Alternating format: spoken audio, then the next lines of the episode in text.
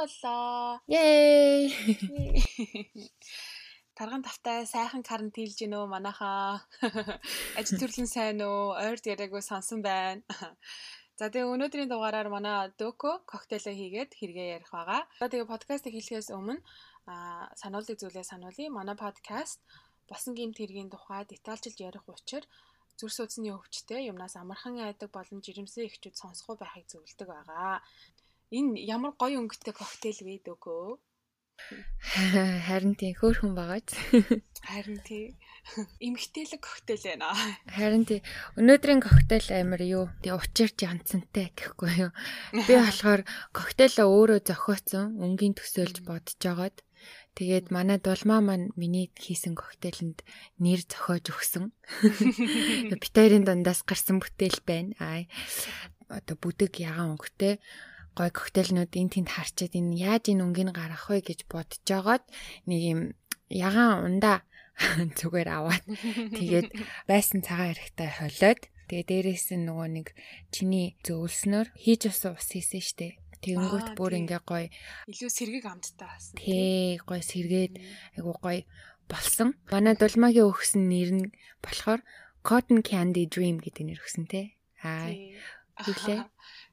Хүүн чихэр шиг зүүдгээд байгаа зү. Яг тэгэд санагдаад байсан. Уус нь амтан ч гэсэн тийм байсан, гаднаас нь харахад ч гэсэн тийм ингээ cotton candy буюу хөвөн чихэр ингээд санаанд ороод ирсэн аахгүй. Тэгээ нэр нь ч гэсэн амар хөөрхөн санагдаад. Аа. Битээ манай сонсож тэгээ хараад аа дагаад хийгээд үзээрэй. За коктейл юм байна. Өнөөдрийн хэрэг бас маш сонирхолтой хэрэг байх гэж би дулмаа миний хувьд бодож байна. Яагаад гэвэл миний мэдгүй хэрэг гэсэн, сонсож байгаагүй хэрэг гэсэн. За тэгээд манай дөөкө одоо хэрэгтэй орох гэж байна. Тэгээд намайг жоохон эмоц гаргах юм бол манайхан намайг бити загнаарай заяа. Би сонсоогүй болохоор эмоцоо гаргаж байгаа шүү за гэсэн. Аа. За тэгээд дөөкө хэрэгтэй орох уу да. За тэгээ. Аа за энэ удаагийн дугаарыг эхлэхээс өмнө энэ бол ерөнхийдөө айгүй хүнд сэдв байгаа өмнөх өмнөх дугаарууд дээр нэлийн хүнд хүнд юм ярьж исэн ч гэсэн ер нь хүүхдтэй холбоотой юмнууд бол одоо сэтгэл санаанд айгу хүнд тусдгийм байна. Бусад хүмүүст ч гэсэн тех байх гэж би бодож байна.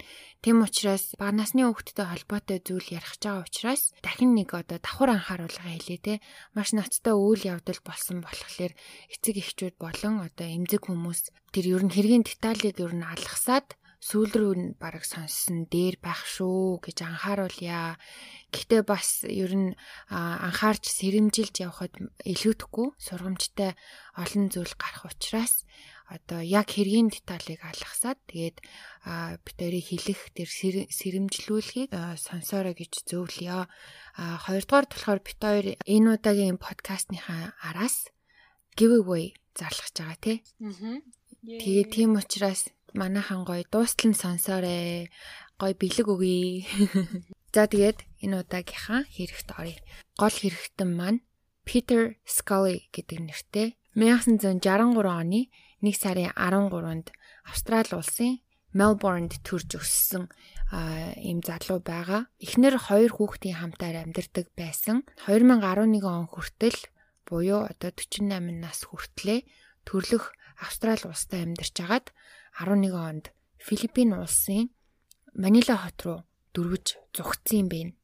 За тэгээ яагаад зүгтаасан гэхлээр мань хүн үйл хөдлөх хөрөнгийн залилантай холбогдоод нийтдээ хөрөнгө оруулагчдаас Австрали доллараар 268 сая ам доллар залилсан байсан. Маш их хэмжээний мөнгө залилсан байгаа. Питер тэгээд ерөөхдөө яг хуу хүрээлэлтэй гэх юм уу да жирийн л нэгэн залуу одоо тэг гэр бүлтэй хоёр хүүхэдтэй ямар ч тийм гимгүү хүн шиг маш олон жил амьдарч ирсэн. Зан ааш характерыг нь болохоор хүмүүс ерөнхийдөө таньдаг хүмүүс болохоор тийм жоохон залхай шудрах биш ерөөхдөө нэг тийм хүнийг яаж игээд ашиглах гад байдаг нэг тийм хүмүүс эдэн штэ. Тэгээ дээрэс нь ер нь бол мөнгөний төлөө юу ч хийхээс буцахгүй болж ирсэн гинэ жоохон насны явж ирээд. Үл хөдлөх хөрөнгийн лувраас гадна Blink гэдэг нэртэй өсвөр үеийн Малайз охиныг Австралид авчирсан байдаг. Тэр нь болохоор өөрийнх нь үерхдэг юм уу одоо найз охин нь гэж явдаг байсан гинэ. Австралид тэр охиныгоо авчирчээд ийш тийшээ дагуулж одоо эн тентгийн тийм секс үдшилэг гэж болдог шүү дээ. Тим юмд явдаг байснаас гадна тэр охиныг биеийг нь үнэлүүлж өөрөө тэрнээсээ мөнгө олдог байсан юм байна. За тухайн үед болохоор эхнэр хоёр хүүхдээ хаяад явсан байсан гэж одоо нэг нийтлэлтээр бичсэн байсан ч гэсэн яг хайж явсан байсан хэсэг нь бол 100% тодорхойгүй. За тэрний хийсэн хэрэг бол маш ноцтой болоод тэр ер нь бол гэр бүлийн тэ одоо тэр эхнэрийнх нь болоод хоёр хүүхдийнх нь информац юус байдгүй юм бэ нэлээ. Ямар ч л байсан хоёр хүүхэдтэй гэжсэн. Тэгээ хоёр хүүхдийнх нь хүүсэн ч баг би лав энэ тэндээс хайгаад олоогүй. Австралийн үнэт цаас хөрөнгө оруулалтын комисс гэж байд юм байна. Тэр нь 2009 оноос эхлээд ер нь Питерийн луйруудыг шалгаж ажиллаж эхэлсэн. Баттай нотлохоо олж одоо эрүүгээр шүүхийн тулд мэдээж баримт нотлохоо маш ихээр цуглуулах хэрэгтэй болно шүү дээ. Одоо баттай юм хийхийн тулд Тийм учраас ерөнхийдөө 9 оноос хичнээн шалгалт эхэлсэн ч гэсэндээ 12 он хүртэл Питер болон түүний хамтрагчийг албан ёсоор хэрэгтэн гэж зарлж чадаагүй. Жавж 12 онд эцтэй нотлох баримт хангалттай гэж үзсэн учраас албан ёсоор баривчлах гэсэн боловч 2011 онд Питер аль үжээ нөгөө Филиппин улс руу зүгтаацсан байсан гэж хэлсэн шүү дээ. Тэгээ яг жилийн өмнө зүгтаацсан байж таарсан. Нийтдээ бол 117 удаагийн залилан луур зэрэгт холбогдуулж одоо Австралида буцаад ирмэгцэн шууд баривчлахаар тийм галийн болон авиа компаниудад сануулсан байсан. Мэдээж Питер бол Филиппин руу оргож зүгтсэнийг цагдаа нар мдээгүй Анхандаа бол Малаз руу тэр нөгөө нэг жоохон найз охиноо дагаж явсан байх гэж бодож исэн юм бэ нлээ. Тэгээд бүхэл бүтэн мэдээж улсыг нэг хүнийг хайж самнана гэдэг чинь бас маш их ажиллагаа учраас ерөнхийдөө ажиллагаа маш удаан явагдчихсан юм бэ нлээ. За тэгээ Филиппинд очиод Питер насан туршаагүй байхаасаа эхэлж бие үнэлж те өөрийгөө тижээдэг байсан тийм гэр оронгүй гэр бүлэхгүй тийм хоёр охиныг дэрэгдээ аваад одоо нэг ясандаа өөрийнхөө найз охтуудыг болгосон байдаг. Тэгсэн мөртлөө одоо тэр гурийн харилцаа нэг сонин яг ингээд найз хүүхнүүд нь юм уу гэхэлэр баг насны охтууд учраас өөрөө ирэхгүй одоо эн чинь бараг 50 гарсан өвгөн баа штэ. Өөрөө ирэхгүй тийм эцэгшгэн чим шиг хандаад байдаг байсан юм шиг байгаа. Тэгээ нэг тийм эцэг хүүхдүүд ч юм юм шиг нэг бол амрах осууд ч юм шиг нэг тийм сонин ойлгомжгүй харилцаатай байсан. Тэгээд тэр хоёрыгоо а нөгөө малаз найз охин шиг адилхан өөр хүмүүст бас биеийг нь үнэлүүлдэг байсан. Тэр хоёрыг болохоор нэг нь Carme Ann Alvarez гэдэг а нөгөөх нь болохоор Lizel Margalo гэдэг. Хоёлаа 18 ч хүрээгүй охтууд байсан. Тэгээд 18 ч хүрээгүй байхасаа тэр Петрийг дагаж хамтдаа явсаар байгаад Петрийн хамтрагчид болсон юм бэлээ. Энэ хоёр охины тусламжтайгаар гудамжны гэр оронгүй нин ядуу хүүхдүүдийг бас гэртээ авчирч хүний санаа сэтгэлд оромгүй янз бүрийн аргаар тэр хүүхдүүдийг зовоож тарчлаадаг байсан гинэ. Яг тэдний тооны хүүхдүүдийг хохироосон гэсэн албан ёсны тоо байхгүй. Гэхдээ олонд мэдэгдсэн хид хідэн охтууд байгаа. За тэгээ тэр хэрэгүүдээс нь ярьж өгье гэж бодож байна. Питер бол ер нь бол гаж донтон тодруулах юм бол педофил ахгүй юу? Одоо насанд хүрээгүй жоохон хүүхдүүдтэй бэлгийн харьцалд орох донтой. Тэр балиар гаж донгоо үйлдэл болгоход нь Филиппинд очсон явдал нь ерөнхийдөө маш таатай нөхцөлийг нь бүрдүүлж өгсөн тодорхой санагдсан. Яг тэр Филиппин улс нөгөө педофилтэй холбоотой хэрэг гаралтаараа дэлхийд бүр топ 10 улсын нэгт ордсон байлээ. Тийм тийм нөхцөл нь бүр бүрдчихсэн. Хууль эрх зүйн айгу муу Дээрээс нь одоо хохирогчд маш олноороо амархан олддог юм шиг байгаа. Филиппинд очиод ерөөсөө нэх удаагүй тэр балер юмнуудаа хийж эхэлсэн юм байна лээ. Ядуу гэр оронгүй хүмүүст одоо нөгөө хоёр жоохон найз охиноороо дамжуулаад би одоо хүүхдийг чинь хоолж унтлаад те гэр орондоо тийжээгээд өмсөж өмсөж зүүхээр одоо хангаад сургууль соёлд явуулъя гэж хэлж авч явдаг байсан гинэ. Тэгэд мэдээж хүн чинь хөөрхөн амтаа өөрөө чадахгүй юм чи ядаж хүүхдийнхаа ирээдүг бодоод энэ сайхан сэтгэлтэй хүн ингэж туслая гэж байгаа юм чинь. Гэд итгээд дээрээс нь одоо нэг хоёр Филиппин одоо өсвөр насны хоёр охин дагуулсан явж байгаа болохоор нөгөө хоёр нь ч гэсэн амар тийм одоо юу гэдэг ад жаргалтай тий нөгөөтгөө нөгөөтгтөө одоо тэр Питерт бүрэн дүүрэн итгэж гэсэн ихтгэл үнэмшилтэй байсан болохоор эцэг эхчүүд ч гэсэн ер нь хүүхдээ өгөө явуулчихдаг байсан гэж байгаа байхгүй юу. Тэгээ хамгийн балиар нь тэгэж авч явчаад гэртээ аваачиж хоолж ундалчаад тэгээд нөгөө балиар гаж амин эхэлдэг гэсэн. Яадаг гэхээр Австралийн 60 минут гэдэг нэг тийм нэвтрүүлэг байдаг. Тэрэн дээр Питрийн тухай 20 хэдэн минутын тийм бичлэг байгаа. Тэрэн дээр Питер өөрөө ярилцлага өгөхөөс гадна одоо хохирогчд бас ярилцлага өгдөг. Тэрэн дээр Карми Ан гэд нэг найз охин нь штэ тэ. Тэрний яриагаар болвол нэг удаа Питер удамжнаас хүүхэд өргөж авъя гэж хэлэхэд нь Карме манай дүүг авчираад хамт амьдрий гэж хэлсэн чинь үгүй би гудамжны хүүхдэд л тусламаар байна гэж шалсаар агаад гудамжны хүүхдүүдийг тэр охины тусламжтайгаар олдог. Тэгээд эмэгтэй хүнд угаасаа нөгөө хүн итгэхтэй амар гэж хэлж ирсэн шүү дээ. Тийм учраас бас хүмүүс амар амархан хүүхдүүдэд өгж явуулдаг байсан юм элэ. За тэгээ яг тэр ярилцлаган дээр ярьж байгаа 9 болон 12 настай тийм хоёр хүүхдүүд хэрэгтэй гэж хэлсэн бүр насыг нь бүр ингээд заачихсан. Тэгээ гудамжнаас өлссөн байсан нэг тийм хоёр хүүхдийг хоол өгье энтер гэд Питер дээр аваачиж өгөөд явсан гэж аахгүй өөрөө. Тэгээ тэр охин явчаад буцаад ирэхэд нь тэр хоёр хоёулаа тийм нохооны хүзөвчтэй уяатай байсан гэсэн. What? За тэгээ тэр хоёр хүүхэд нь ямар хүүхдүүд байсан гэхээр өөртөө бас тэр одоо нэвтрүүлэг дээр ярилцлага өгсөн байлээ. Нэг нь Рози гэдэг 12 настай, нөгөөх нь одоо Уэлн гэдэг 9 настай охин байсан. За тэр 9 настай охин бол гараагүй ч гэсэн Розиг ярилцлага өгсөн.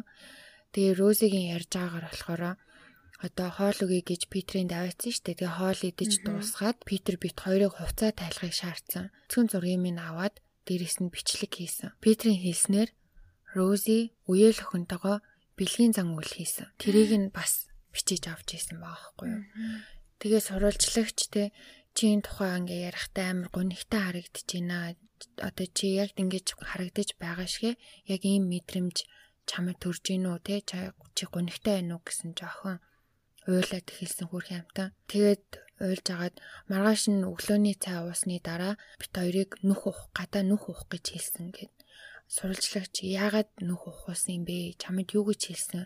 Яа юу гэж хэлж нүх ухуулсан бэ гэсэн чи охин ухаж байгаа нүхэнд бит хоёрыг булна гэсэн гэж аахгүй юу? Юу юм бэ? Амар агаз. Тэгээ сурвалжлагч Питер өөр та хоёрыг яаж зовоосон бэ гэсэн чи охин Питер биднийг хүчинцэн тэр намайг хүчирхийлж ахад би орилоод байсан чинь тэр Карми Ан гэд найз охин нь намайг дууга бай гэд миний толгой дээр дэр барьсан гэж аахгүй. What? Харин тийм. Тэгээ тэр охин амир би ингээл явчаад ирсэн мэрсэн гэдээсэн. Мөртлөө өөрөө тэр одоо хүнийг тарчлааж зовохдоо өөрөө гар бие оролцож исэн байгаа байхгүй юу? Тэгээ 5 өдрийн турш тэр хоёр охиныг тарчлааж зовоосны эцэст нөгөө найз охин нь Карми Ан охтын гинжийг суллаж оргуулсан байна. Аха. Октод хөрх юм ин харин яаж овоод яасан зориг гаргаад цагдаа дээр мэдгдсэн юм бэлээ. Аа. Октод цагдаад мэдгдсэний дагуу Питер баривчлагдах маш том шалтгаан болсон. Одоо энэ үйл явдалтай зэрэгцээ Филиппиний цагдаанараас гадна одоо өөр олон улсын хүчний байгууллагууд нэг бичлэгийн эзнийг хайж исэн баггүй. Тэр нь болохоор Питер байсан. Одоо бүх зүйл огтлцоод Питрийг баривчилж авсан. За тэр нь бас юун бичлэг вэ гэсэн чинь аль 2012 онд цацагдсан dark web-с жирийн вебд алдагдаж гарч ирсэн тийм бичлэг байсан. За тэгээ тэр бичлэгний нэрийг бол би хэлэхгүй.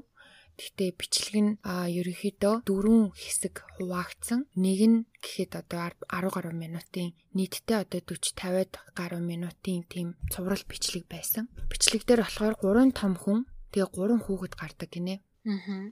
Гурван том хүн нь болохоор нэг нь цагаан арьстай эрэгтэй хүн англи хэлээр ярьж байсан бас бичлэгт гарах бүрт одоо нүрийг энэ жирэлзүүлсэн байсан учраас одоо хин гэдгийг нь мэдхэргүй а нөгөө хоёр том хүн нь залуухан тийм хөрслөг бор арьстай хоёр эмэгтэй хүн байсан. Хоёлаа тэр Филиппиний нэг аялгаар ярьж байсан. Хоёлаа нүрэндээ маск зүүсэн байсан учраас бас хин гэдгийг нь шууд таних боломжгүй байсан. Гурван хүүхэд нь болохоор гурлаа эмэгтэй бөгөөд 12 11 нөгөөх нь бүр 18 сар буюу одоо ой 6 сартай нялх хүүхэд байсан. За бичлэгийн турш тэр гурван том хүн одоо ээлж ээлж ирээ тэр гурван хүүхдийг тамлж тэ өвтгөж бэлгийн зан үйлүүд үлдэж хүчрхийлж байсан. Тэр ой гарантай нялх хүүхдийг бүр ингээд хөлнөөс нь доош нь харуулж уйчаад тамлаж хүчрхийлж байсан. Тим бичлэг юм байна лээ. Тэр бичлэг мэдээж dark web-д байсан нь одоо бидний өдөр тутам ашигладаг веб дээр гарч ирсэн нь ойлгомжтой байсан бөгөөд маш хурдан одоо арчигдаж алга болсон. Тэр бичлэг энгийн веб утсуудаар тарсан даруйд орон орны цагдаа нар нийлээд тэр одоо хэрэгтнүүдийг хин гэдгийг тодорхойлохоор ажиллаж эхэлсэн. Тэгээд тэр бичлэг ер нь хэний хийсэн бичлэг вэ гэдгийг хааж эхэлсэн. Мэдээж одоо бичлэгийг анализ хийхэд тэр эрхтэйгийн аялганаас Австрали гаралтай хүн болохыг мэдээж тогтоодог. Бас нэг сонирхолтой юм нь одоо тухайн бичлэгийг үзхийн тулд Deep Web дээр нэг үзэлт нь 100000 доллараар үнэлэгддэг байсан гэж аахгүй юу? Dark Web, Deep Web болоо одоо бидний ашигладаг веб гэд яриад байна шүү дээ, тэ. Тэрийг хэрвээ мэдхгүй хүн байвал ямар учиртай юм бэ гэх юм бол одоо бидний өдөр тутамдаа ашигладаг одоо интернетийн тусламжтайгаар орж хайлт хийдэг одоо веб хуудсууд нь шүү дээ https гэж аваардаг www цэг гэж аваад ордог тий одоо Google ч гэдэм үү Facebook ч гэдэм үү GoGo цэг юм байна гэл бүгдээрээ. Энэ бүгд бол дэлхийд байгаа бусад веб хуудасны одоо бүх нийт веб хуудасны зөвхөн 10% нь ч хүрдэггүй хэсэг нь юм байна лээ. Тэгээд ер нь бол яг да 70 шиг гэж төсөөлж болно. Ягаад тэгэхээр бид нар ч далаад орох амьдралын 10 хүрэхгүй хувийг нь судалж чадсан шүү дээ хүн төрөлхтөө.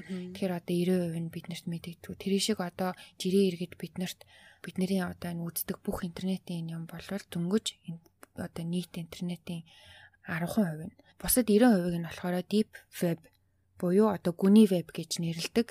Тэгээд тэр 90%-ийн гүний вебний нэгэн хэсэг нь dark web буюу одоо харанхуй веб юм байлээ. Тэгээ гүний вебийг болохоор Google ч юм уу те тийм энгийн браузераар хайгаад муу ашиглаад нэвтэрч бол болохгүй. Тусгай браузер энэ төр байдаг. Тэр тухай мэдээж ярихгүй. За тэгээд гүний вебд юу байдаг гэхлээр ерөнхийдөө энгийн бидний ашигладаг вебд хориотой бүх зүйл байдаг Тэгээ хар тамхины 8 ч гэдэг юм уу, зевсгийн 8 ч гэдэг юм уу, бүр тэр байтугай хүний 8 хүртэл тэр тэнд явагддаг. А дээрэс нь одоо янз бүрийн өндөр нууцлалын зэрэгтэй мэдээ мэдээлэл солилцох боломжтой байдаг. Тэрэнд одоо тэр одоо бүх хүмүүсийн өвчний түүх ч юм уу те банкны мэдээлэл зэрэг одоо бүх мэдээллийг солилцох талбар юм байна лээ. Бүр цаашлах юм бол түрүүний ярьсан шиг Питер шигтэй ийм балиар хүн юм уу амьтанд бас тамалж байгаа тийм эсвэл бүр алж байгаа тийм бичлэг бас байдаг. Тэгээд хүмүүс одоо түрүүний хэлсэнчлэн одоо мөнгө төлөөд үзэж болдог. Ер нь бол яг хуу deep web дээр явагдаж байгаа арилжаа бол одоо биткойн буюу виртуал валютаар мөнгөө хоорондоо солилцдог юм байна лээ. Гэхдээ одоо Питер болохоор money transfer буюу одоо мөнгө шилжүүлдэг өөр юм үйлчлэгээ ашиглаж мөнгө авдаг гэсэн гэж байна лээ. За тэгээ одоо ингээд энэ тухай ярихлаар би бүр яг мэдчихээн энэ сонсож байгаа хүмүүс дунд те хоо өстэй энийг ороод үзчихэн сан юу гэдэм бол гэд ингээд сонирхол нь бүр ингээд төрцөн яг уу яг уу гэд нүднээр хэлтцэн байгаа хүмүүс бүр байгаа байх гэдэгт би бүр итгэлтэй байна. Тэр хүмүүст хандаж хэлэхэд тэрийг юусоо оролдоод хэрэггүй. Энийг бүр хатуу анхааруулчих те хүн угаасаа ер нь зарим нэг зүйлийг мдээгүй байсан дээр идэв штэ. Тэгээ мэдгүй зүйлээрээ оролдож агаад тэрнээс ийсэн юм болж өөрөө хохирвоо мэдээж deep web-д одоо орохыг завдж байгаа хүмүүсийг цагдаа нар болон одоо хакерууд маш ойрхон хянаад хараад отоод сууж идэг. Хакеруудаас бүр маш олноороо байдаг тэн дээр. Тэгэхээр чиний мэдээллийг зүгээр 2 секундын дотор чи нэгэн буруу дарахад бүх мэдээллийг чи аваад буцаагаад чамайг blackmail-дэж болно штэ тий. Тэгээд ер нь бол чиний мэдээллээр яавал чиг яан штэ. Тийм учраас өөрийнхөө мэдхгүй зүйлээрээ битээ тэгж оролдоорой гэдгийг сануулъя. За тэгээд тэр нөгөө нэг балиар жирийн веб дээр алдагдсан тэр муухай бичлэгнээс үүдээд бичлэг хийгдсэн тэгээд цацагдсан дүүрэг ариун нэг ерөнхийдөө наривчилж цаг дээр гаргаж ирсэн тодорхойлсон байсан учраас тэр хавийн айлуудаар ер нь орж тэ бичлэг дээрх деталуудын дагуу хан шал бэлта цонх гих мэтчлэн тэ тэднийг ингээд тулгаад хайгаад явж исэн юм байна лээ. За тэгээд тэр хоёр а одоо нөгөө хохирогч хоёр үеэлүүдэн штэ тий 12-тэй 9-тэй гэдээсэн. Тэр хоёр ер нь цагдаад мэдгдсэний дагуу Петрийг олж баривчилж чадсан гэдгийг хэлсэн. А тэр нь болохоор 2015 оны 2 сарын 20-ны өдөр Петрийг баривчилсан байт юм байна. За тэгээ цагдаа нарт Петрийг баривчилж болно гэсэн одоо 6 төрлийн зөвшөөрөл байсан нь зургуула үеэл хоёр ихчдүү хоёр хоёртой холбоотой байсан. Тэр нь одоо хүний хулгай болон бэлгийн хүчирхийлэл гих мэт зүйлээр тулгуурласан шалтгаанууд байсан.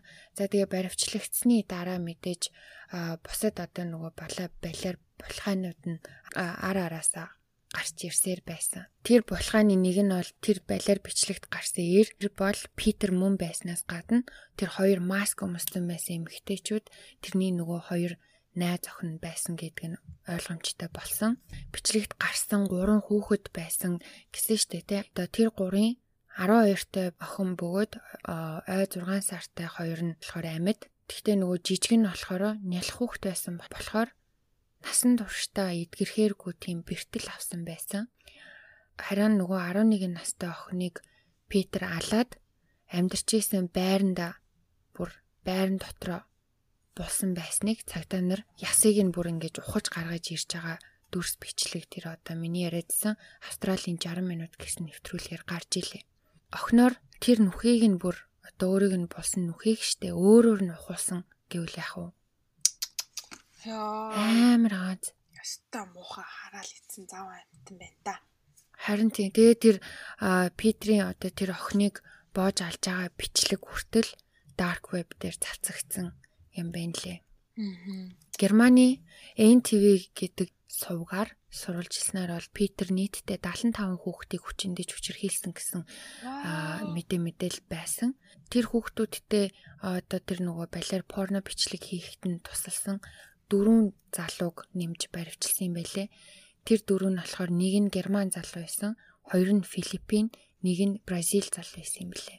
Одоо нөгөө нэг гүний веб дээр цацагдж байгаа энэ балиар ялангуяа педофил одоо бичлэгнүүд нь дээ тий. Хүүхдийг хүчирхийлж байгаа бичлэгнүүд тэрний үзэгчдийн дээлэн хувь нь ер нь барууны орны ирчүүдэд юм байлээ. Тэр дундаа ихэвчлэн англи болон герман тэгээд Америкас хүмүүс их үздэг гинэ. Мухагаз. Бүх нотлох баримт болох байсан Питрийн гэрээс хурааж авч цуглуулсан байсан. Одоо тэрний компьютер компьютер дээрх хаашаа хаашаа орсон гэл одоо нөгөө түүхэн агаа штт те тэднийг хадгалж исэн өрөө 2015 оны 10 сард том гал давтаж ганцхан тэр өрөөнд байсан бүх юм шатсан. Хүмүүс болохоор Питрийг тэр Филиппиний цаг нэг цагдааг хахуулдаад хэмжээний мөнгө өгөөд тэр өрөөг албаар шатаалгасан гэж ярьдаг. Ер нь тэр нь үнэн баха. Үнэн баха. Филиппин улс бас хэл ахуулаа маш ихтэйгээрээ айгу алтартай юм билээ штэ. Тэгэхээр тэр бол бас үнний ортой байх гэж би бас бодсон. За тэгээд явж явж 2018 оны 6 сарын 13-нд буюу одоо 2хан жилийн өмнө эцсийн байдлаар шүүх хурал болоод Питер болон Карми Ан хоёлаа баригдаад бүх насаараа хоригдох ял авсан. Тэгээ нөгөө найз охин нь штэ Лайзел гэд тэр нь болохоор бүтэн жил цагдаа нараас цугтааж амьдэрсэн. Тэгээд цугтааж агаад жилийн дараа баригдсан байдаг. Тэр нэг жилийн хугацаанд бас зүгээр байгаагүй. Петрийг шорон байх хугацаанд шоронгоос заавар зөвлөгөө авч тэрний дагуу бас тэр балиар хүүхдүүд хүчрхийлж байгаа бичлэгийг хийсээр байсан юм байна лээ. За тэгээ Лайзел баригдсныхан дараа бас бүх насаараа хоригдох ял авсан. Тэгээ бүх бичлэгтэй холбоотой нотлох баримтууд устсан учраас зөвхөн одоо тэр үеэлэгчдөө хоёрын хэрэгээр хоригдож байгаа нь тэр ахгүй юу. Тэгээ тэр нь болохоор ер нь бол 100 жил буюу насаараа хорих ял өгсөн юм бэлээ. Яг одоогийн Филиппин улсын хуулиар болвол хэрвээ одоо ойрын 30 жилдээ өөрчлөгдөжгүй бол 30 жил суугаад Австрали улс руугаа албан хүчээр буцаагдах юм бэлээ Питер. Тэгээд Австралида үргэлжлүүлж мэдээж суух байлгүй очингууд нь одоо нэмэгдээд нөгөө нэг луурын хэрэг нэг шүү дээ. Тэр мэрийг яах юм бэлгүй а үүрх юм бэлгүй. Одоо тэгээд тэр нөгөө бичлэгнээс одоо Австралийн 60 минутын нэвтрүүлгээс харахад Питер бол амар сэжиг юм бэлээ. Бүр ямар ч гимшж байгаа юу ч байхгүй. Аха. Нэг зүүн юм нэг сэжиг гавьяа байгуулсан юм шиг. Тийм гавья байгуулсан юм шиг сурвалжлагч бүр ингээ зөвүүн хүрээл ингээл асуугаад тахаар юу ч болоогүй юм шиг амар зөв юм лээ. Тэгээ ярилцлаган дээр ингээд сурвалжлагч ер нь ингээл амар чухал чухал юм асууж байхгүй юу? Одоо жишээ нь чиний энэ балер юм чи одоо хизээ эхэлсэн те одоо австрал дахтай юм гэж юм хийдэггүй байсан байж ич. Яагаад заавал ингээд одоо филиппинд ирж яагаад ингэсэн? Эсвэл чи одоо хоёр хүүхэдтэй те хоёр хүүхдээ бас тэгдэг байсан юм уу гэж асууж байгаа хгүй Тэгэнгүүт чи амир зөвүүн. Oh, it will be on the journal гэдэг аахгүй. Тэгэхээр одоо бодвол бас шорондоо өөрийнхөө тухай ном ном бичээд байгаа юм шиг байгаа юм байлаа юм чинь. Оо, бас бизнес хийх санаатай аа. Мм. Тийм.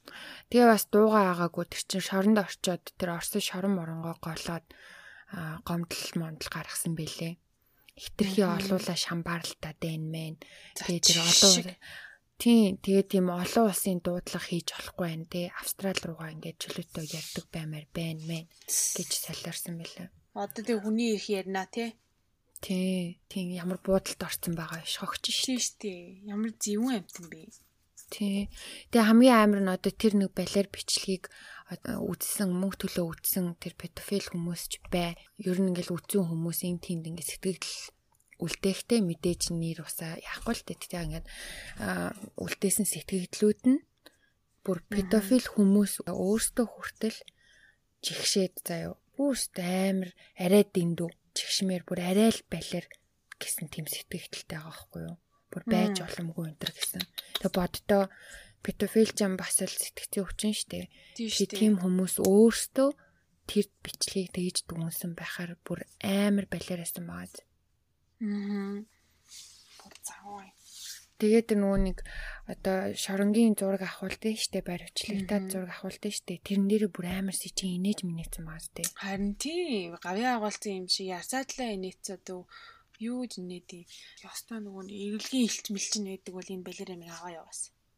Харин аа тэгтээ би тэр нэвтрүүлгийг үзээд бүр ёо зүрх бүр амар тэр хамгийн амар нь тэр нөгөө нэг 11 настай охины арыг ясыг тэр тэр мобилтанд ороос ухаж гаргаж ирж хахад тэр хэрэг дээр ажиллаж исэн эрэхтэй цагтаа хүртэл уйлж байгаа байхгүй юу? Энэ үстэй амир.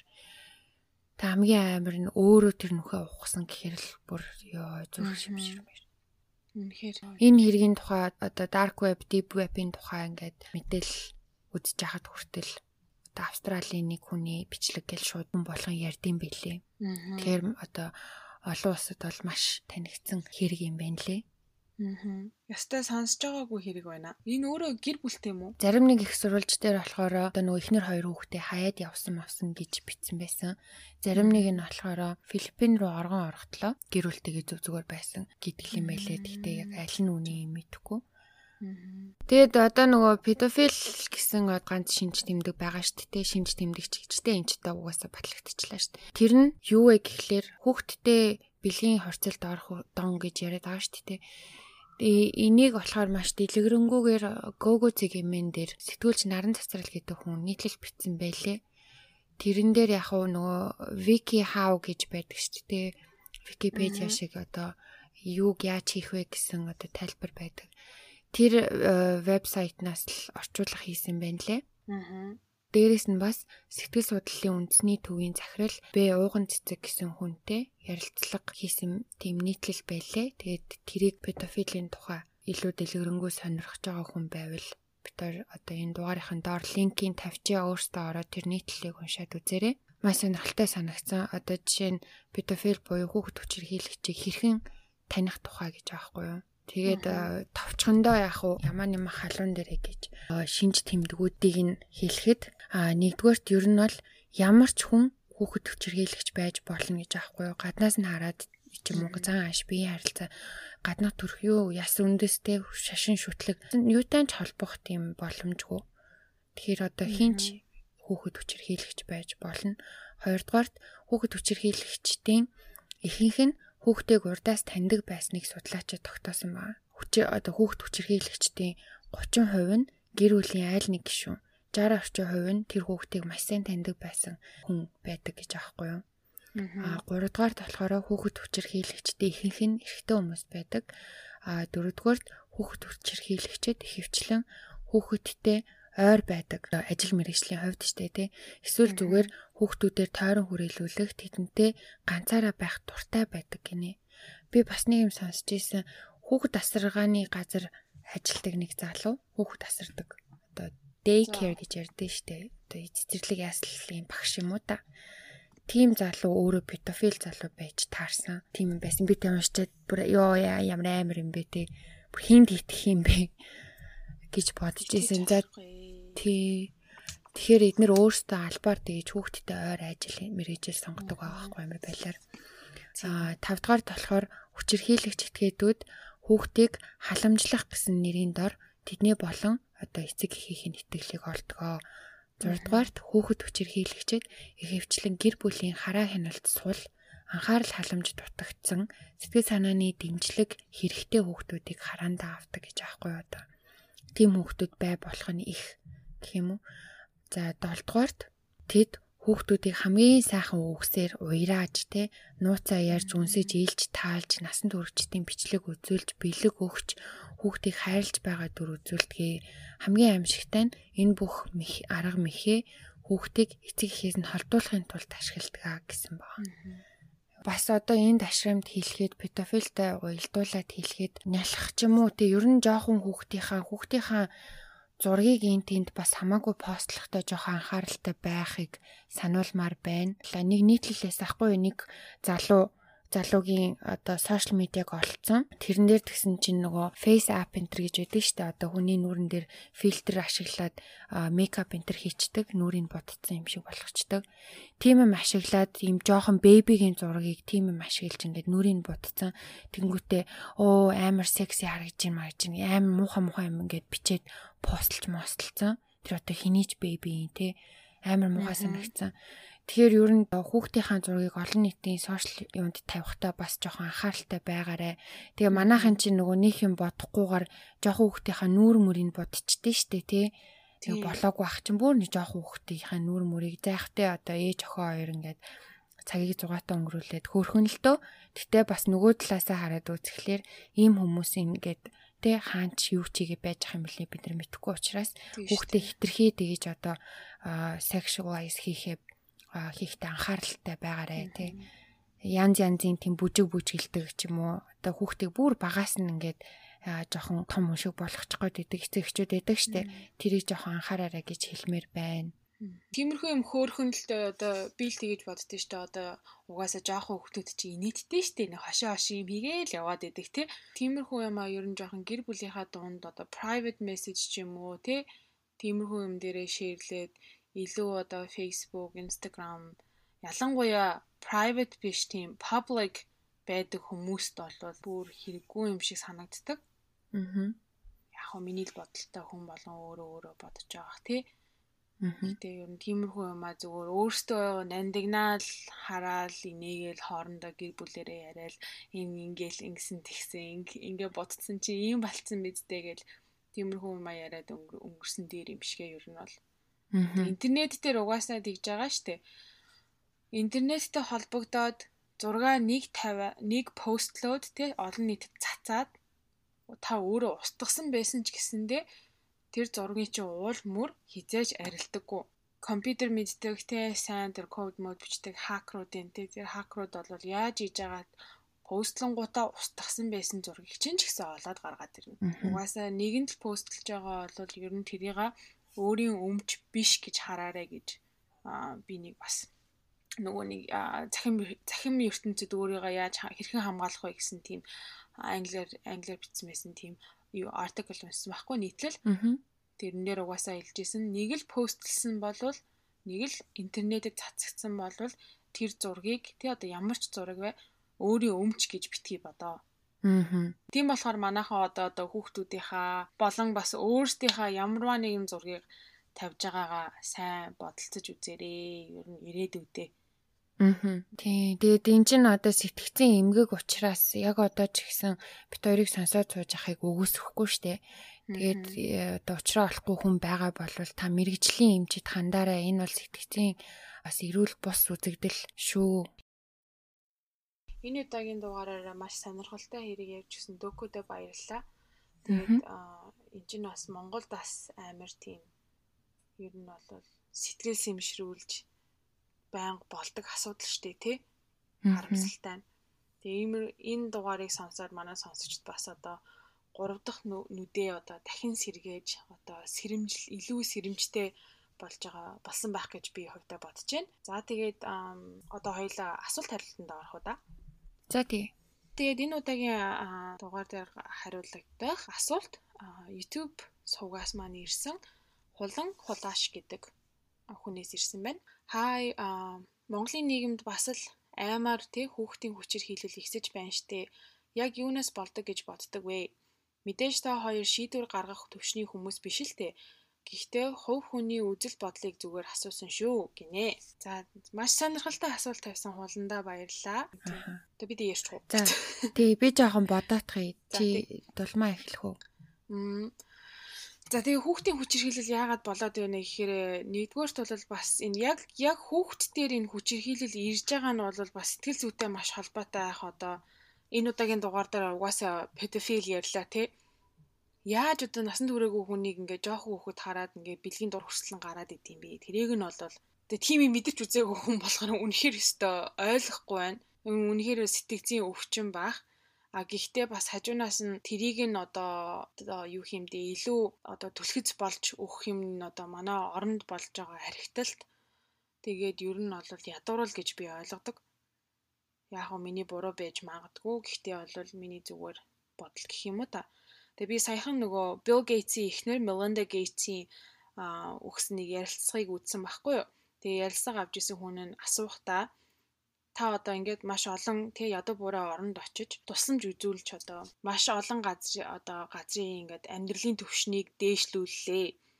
Тэгээ энэ олон жил хийсэн явдал үйл ажиллагаанаас одоо та яг юу сурч авсан бэ? Яг энэ ядуу буурай одоо хөгжихгүй байгаа улс орон тэг газрыг одоо яг юу доош нь татаад байна вэ? Тэгээ яг юу хийсэн чинь ингээд дээшлээд амжиргаан дээшрээд явчваа гэд асуудал Melinda Gates хэлэхдээ хамгийн түрүүнд охтуудад нь боловсрал олгоход шууд дээшилсэн.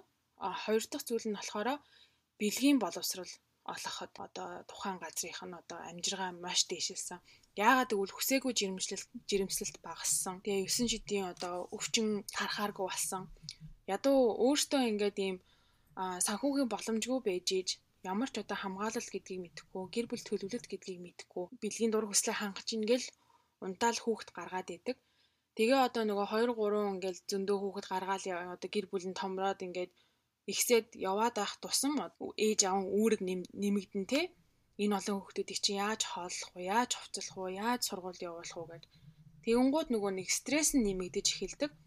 Тэгээ стресс нь нэмэгдэн гут чи одоо хүмүүс яаж стрессээ тайлдаг вэ те Нэг бол архит нь одоо зарим хүмүүс мөрийтэй тоглоом гих мэдчлэр ингээд амьдрал нь ингээд ер нь жоохон уруудаад яваад хэлж байгаа гэдэг ч байгаа байхгүй. Аа. Ер нь тухайн улс орны боловсролыг нь ер нь стандартыг нь дээшлүүлээд илүү хатуу болгоо заавал ингэж явах ядаж тэдгээр ангийг нь төгсгсөн байх хэрэгтэй гэсэн тийм одоо дөрөв журамтай байх хэрэгтэй болов гэж ярьж исэн. Аа. Тэгээ тэрэн дээр би амар санал нийлсэн байхгүй юу. Аа. Тийм тийм би бол санал нэг байна угаасаа манай дулмаа маш тодорхой айгуу гоё хилээд өгчлөө. За яг уу Монголын нөхцөлд гээд бодохоор мэдээж нэн тэргүнд одоо ядуурл байгаа хэл та мөнгөгүйгээсээ болоод одоо тэр нь стресс болоод тэр нь дарамт болоод тэгээ тэрийгэ хүүхдтэй ураа гаргадаг ч юм уу те. Хоёрдугаарт одоо ядуурлаад агаад одоо архитан согтуурах байна. Манай монголчуудаа сар тамхинд маш ихээр живж байгаа гэж сонссон. Тэр болгон бас хамаатай байдаг бах. Хүн арх ууж согтуурсан үедээ одоо ялангуяа амьдралын төвшин маш муу байхад угаасаа мэдээж олигтой юм одоо нэг сайхан жаргалтайгаар ууж байгаа биш шүү дээ. Энд чи зовлонгоо мартах гэж ууж байгаа учраас мэдээж бас муу мухай зүйл болдог байх. Тэрэнд нь хүүхэд маш ихээр өртөж байгаа байх гэж бодож байна. Дээрээс нь мэдээж сэтгцийн өвчин бас маш том үүрэг рол үзүүлж байгаа л гэж бодож байна. Яагаад тэгэхээр манай монголчууд ч одоо барууны орныхныг бодвол сэтгэл судлаач дээр очиод золонгоо яриа сууж явах тийм нөхцөл байдал нь ч гэсэн одоогор байхгүй учраас гэмдэ хүн болгоо очиод уулзаад ах боломжгүй учраас тэр тэр мэр бас нөлөөлдөг та. Өөрсдийнхөө сэтгэцийн өвчтөөгөө ч барыг мэдхгүй явж байгаа хүмүүс маш их байгаа штэ тий. Тэрийгээ ч өөрөө ойлгохгүй. Яагаад байгаа мэдхгүй? Тэр нь өөрт нь одоо нормал юм шиг За тэр болгоноос л бас одоо болж байгаа юм болоо да ялангуяа Монголын нөхцөлд бол тий. За вау тий үнэхээр гүн гүнзгий мундаг гайхалтай асуулт асуусан. Хулан хулааштай маш их баярлаа. Аа да хоёр дахь асуулт маань болохоор Ogino Sunshine гэдэг сонсогчоос ирсэн байна. Аа хүчирхийлэгчтэй хэрхэн дарах вэ? Хүүхдийг багаас нь хэрхэн өсгөх, гэр бүлийн хүмүүжил бас маш их чухал юм байна гэдгийг сайн ойлгож аваад байгаа Хүчирхийлэгч бол насан туршдаа хүчирхийлэгч байдгүй. Тэгээд цаазын ялыг сэргийх нь зөв үү гэж асуусан байна. Вау. Эхний хэсэг дээр нь бол ер нь бол өмнөх асуулт асуулттай ер нь бол маш холбоотой асуулт байна тий.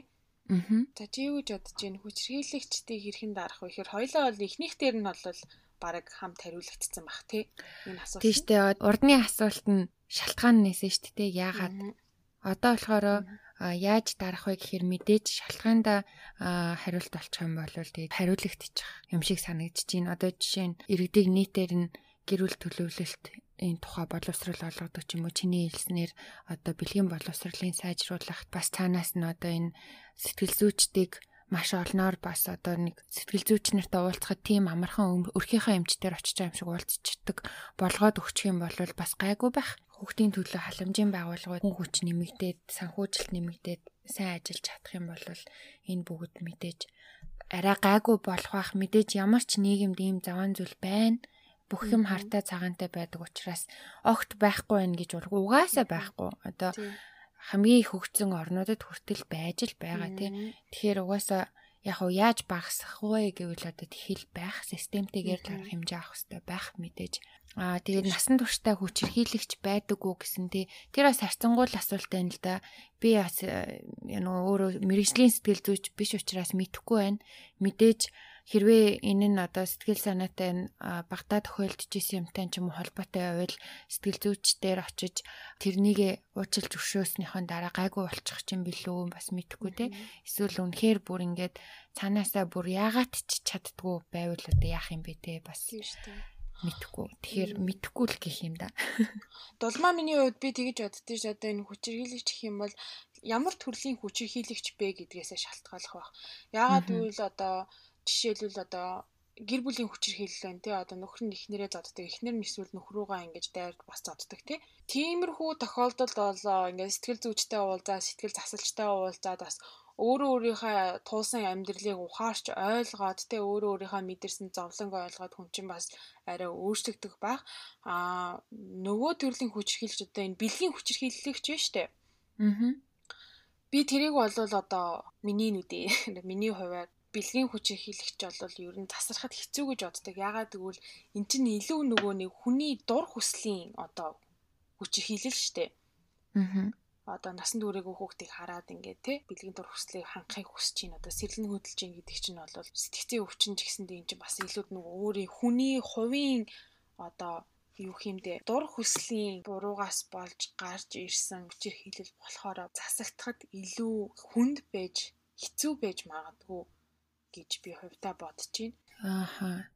Тэрэн дээр бас нөгөө нэг сонирхолтой юм хэлэхэд дэлхийн хүчирхийлэгчид болон педофил хүмүүс нийлээд тэм тосгонд бөөнөрөө амьдардаг дээ жирийн иргэдээс холмол.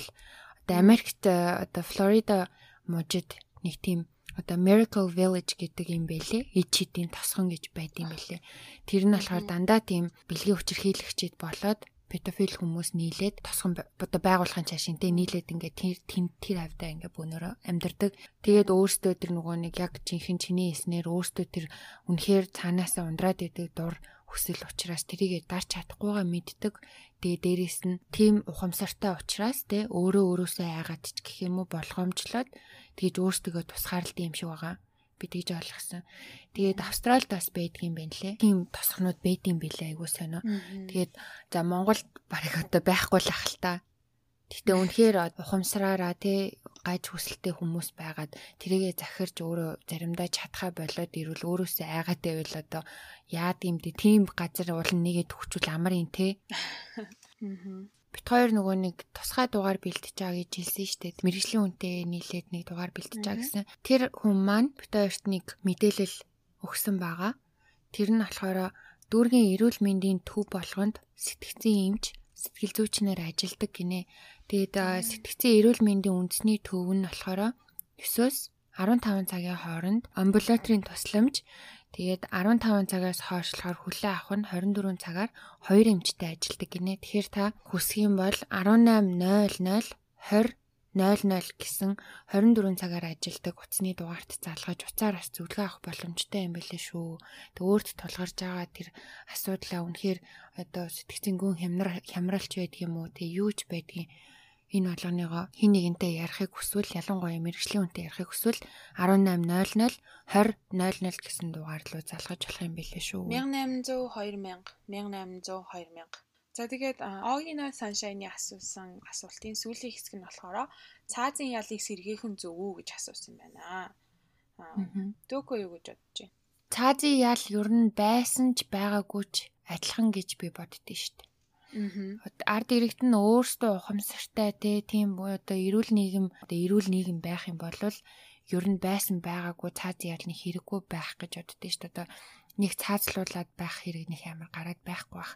Тэгэхээр байсан байгаагүй ерөөсөө л ер нь ард иргэдийнхаа ухамсартай л тулж ажилласан дээр байх л гэж боддог. Чи юу гэж бодож байна? Миний хувьд бол би байх ёстой гэж боддог.